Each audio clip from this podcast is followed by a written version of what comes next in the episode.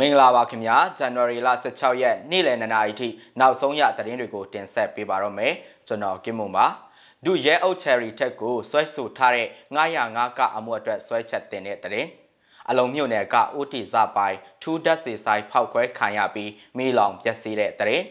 စစ်ကောင်စီလက်ထက်လူမှုကွန်ရက်ပေါ် live လွှင့်ကြေညာလာတဲ့ပြည်တစားလုပ်ငန်းအကြောင်းနဲ့တိုက်ပွဲဝင်လဲအတူတူပြည်သူအချင်းချင်းဖြေးမကိုကောင်းစင်တဲ့ဒဝိုင်မှာစားတောက်ကုန်များထောက်ပံ့တဲ့တရင်အစရှိတဲ့တရင်တွေကိုတင်ဆက်ပေးသွားပါပါ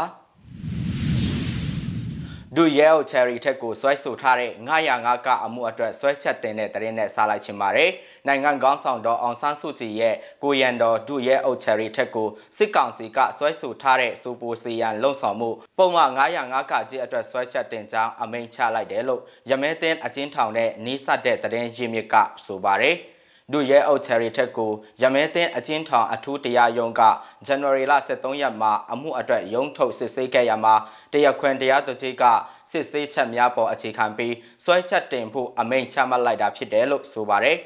မချယ်ရီထက်ကိုမိမီအမေရှိတဲ့ Facebook စာမျက်နှာမှာတဆင်မတရားတာကိုမတရားဘူးလို့မပြောရဲရင်ပါစတ်ပိတ်ထားပါတရားပါတယ်လို့တော့မပြောပါနဲ့လို့၎င်း we love တော့အောင်ဆန်းစုကြည်ပိတ်မှာတင်ထားတဲ့လွန်းလိုက်တာအမေရဲ့ဆိုရက်စာသားကိုပြန်လဲဝေမျှခဲ့ခြင်းကြောင့်တရားစွဲဆိုခြင်းခံရတာဖြစ်ပါတယ်။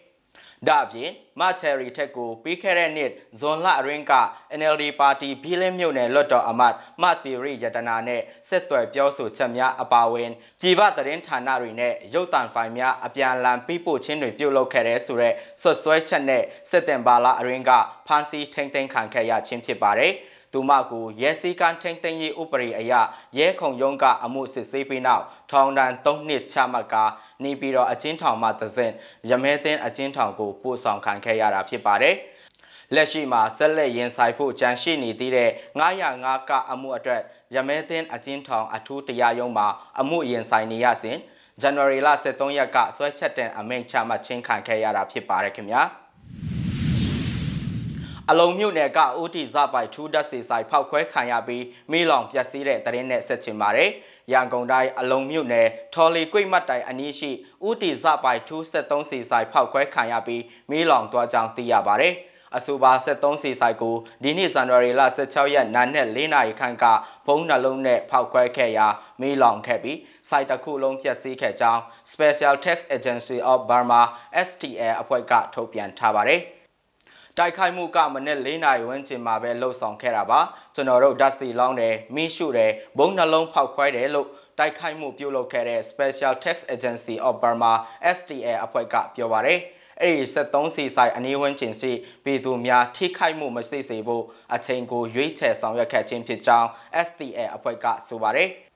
မြန်မာနိုင်ငံမြင်းတပ်တပ်ဖွဲ့ရဲ့ထုတ်ပြန်ချက်မှာအလုံးမြုပ်နယ်ထော်လီခွင့်မှတ်တိုင်အနီးမှာမီးလောင်မှုဖြစ်ပွားပြီး level 1အဆင့်ငိမ့်သက်ခဲ့ကြောင်းဖော်ပြထားပါတယ်။ဒါပေမဲ့မီးလောင်တဲ့နေရာမှာထူးဆက်သုံးစီဆိုင်ဖြစ်တယ်လို့ဖော်ပြထားခြင်းမရှိပါဘူး။မနေ့ကပောက်ကွဲတာနှစ်ချက်ကြားတဲ့ဝရင်ဒါမှာထွက်ကြည့်တော့စီဆိုင်မီးလောင်နေတာလို့အလုံးမြုပ်နယ်မှာနေထိုင်သူတအုပ်ကပြောပါတယ်ခင်ဗျာ။ နောက်ထပ်သတင်းတပုတ်ကတော့ရန်ကုန်သင်္ကန်းစောမြို့နယ်အရင်းကပြည်တစားလုပ်ငန်းတစ်ခုဟာမင်းညက Facebook မှာ live လွှင့်ကြေညာမှုပြုလုပ်နေပြီး၎င်းလုပ်ငန်းဟာစစ်ဒါနာသိမ်းပြီးကာလအတွင်းဖမ်းဆီးမှုများမဖြစ်အောင်စီမံထားနိုင်ခဲ့တယ်လို့အဆိုပါလုပ်ငန်းရဲ့မန်နေဂျာဆိုသူကပြောသွားခဲ့ပါတယ်။တင်ကန်းကျွန်းမြို့နယ်16မြင်းဆောင်နှစ်ရက်ကွက်မှာတည်ရှိတဲ့ Rainbow မြန်မာကိုအနေခန်းမှုပန်းပြကလိန်ပိုင်းဆိုင်ရာဝန်ဆောင်မှုတွေရရှိနိုင်ကြောင်း အမျိုးသမီးငယ်တွေကိုပါပြသကာဇီတုံးများကိုပါကြီးညာတွားခဲ့ပါတယ်။အဆိုပါပြည်တစားလုပ်ငန်းကိုပေါ်ပေါ်ထင်ထင်လှုပ်ဆောင်ပြီးမဲ့လဲစစ်ကောင်စီတပ်ကအာဏာသိမ်းပြီးကာလအာဏာပိုင်များနဲ့ချိတ်ဆက်ထားတယ်လို့မန်နေဂျာက live မှာဝန်ခံပြောသွားပါတယ်။ကျွန်တော်ခုနလပိုင်းနှစ်ရက်နေ့ကစာပေဒီမှာအလုပ်လုပ်တာစိုက်ကဖွင့်ကြတဲ့ကအလုပ်လုပ်တာပါကျွန်တော်လုပ်နေတာ6လကျော်ရှိပါပြီဒီလိုဖမ်းတာတွေအဆုပ်အရှင်းတွေနဲ့ပတ်သက်ပြီးလဲကျွန်တော်ဘာမှဖိအားပေးတာကိုမှမကြုံဘူးဘူးဗျ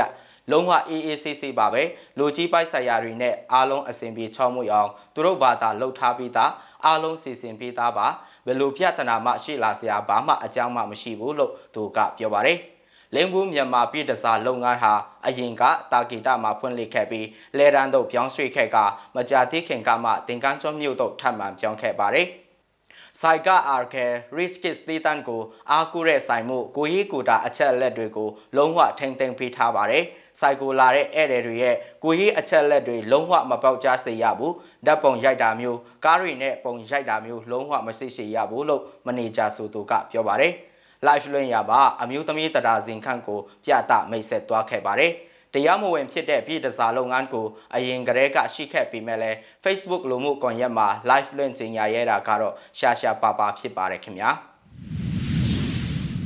နောက်ဆုံးသတင်းတပုတ်ကတော့တိုက်ပွဲဝင်လဲအတူတူပြည်သူအချင်းချင်းဖေးမကိုကောင်းစင်တဲ့ဒဝယ်မြို့ပေါ်ရှိအခက်ခဲဖြစ်နေတဲ့မိသားစုတွေကိုစားတောက်ကုန်များထောက်ပံ့ကုန်ငွေပေးခဲ့ကြောင်း The Well Youth Revolutionary Movement Strength Committee အဖွဲ့ထံကသိရပါတယ်။ဒဝိုင်မြို့မြို့ပေါ်ရက်ကွက်များမှာရှိတဲ့အခက်ခဲဖြစ်နေတဲ့မိသားစု90ကိုအဆိုပါစားတောက်ကုန်များဒီကနေ့ဇန်နဝါရီလ16ရက်နေ့နဲ့ပိုင်းမှာထောက်ပံ့ပေးခဲ့တာဖြစ်ပါတယ်။ ရှစ်ဒါနာစင်စန့်ကျင်ရေးလှုပ်ရှားမှုတွေမှာပြည်သူလူထုတရက်လုံးအတူတကွတိုက်ပွဲဝင်ခဲ့တဲ့နေ့အတူအခက်ခဲများစွာကိုလည်းပြည်သူအချင်းချင်းဖေးမကိုဖို့လိုအပ်ကြောင်းအဲ့ဒီအဖွဲ့တာဝန်ရှိသူကပြောပါရခင်ဗျာ။မီဇီမာရဲ့ဇန်နဝါရီလ16ရက်နေ့လယ်2နာရီထိနောက်ဆုံးရရှိထားတဲ့သတင်းတွေကိုတင်ဆက်ပေးခဲ့တာပါမြန်မာပြည်သူတွေကိုစိတ်နှပြချမ်းမာချမ်းသာကြပါစေခင်ဗျာ။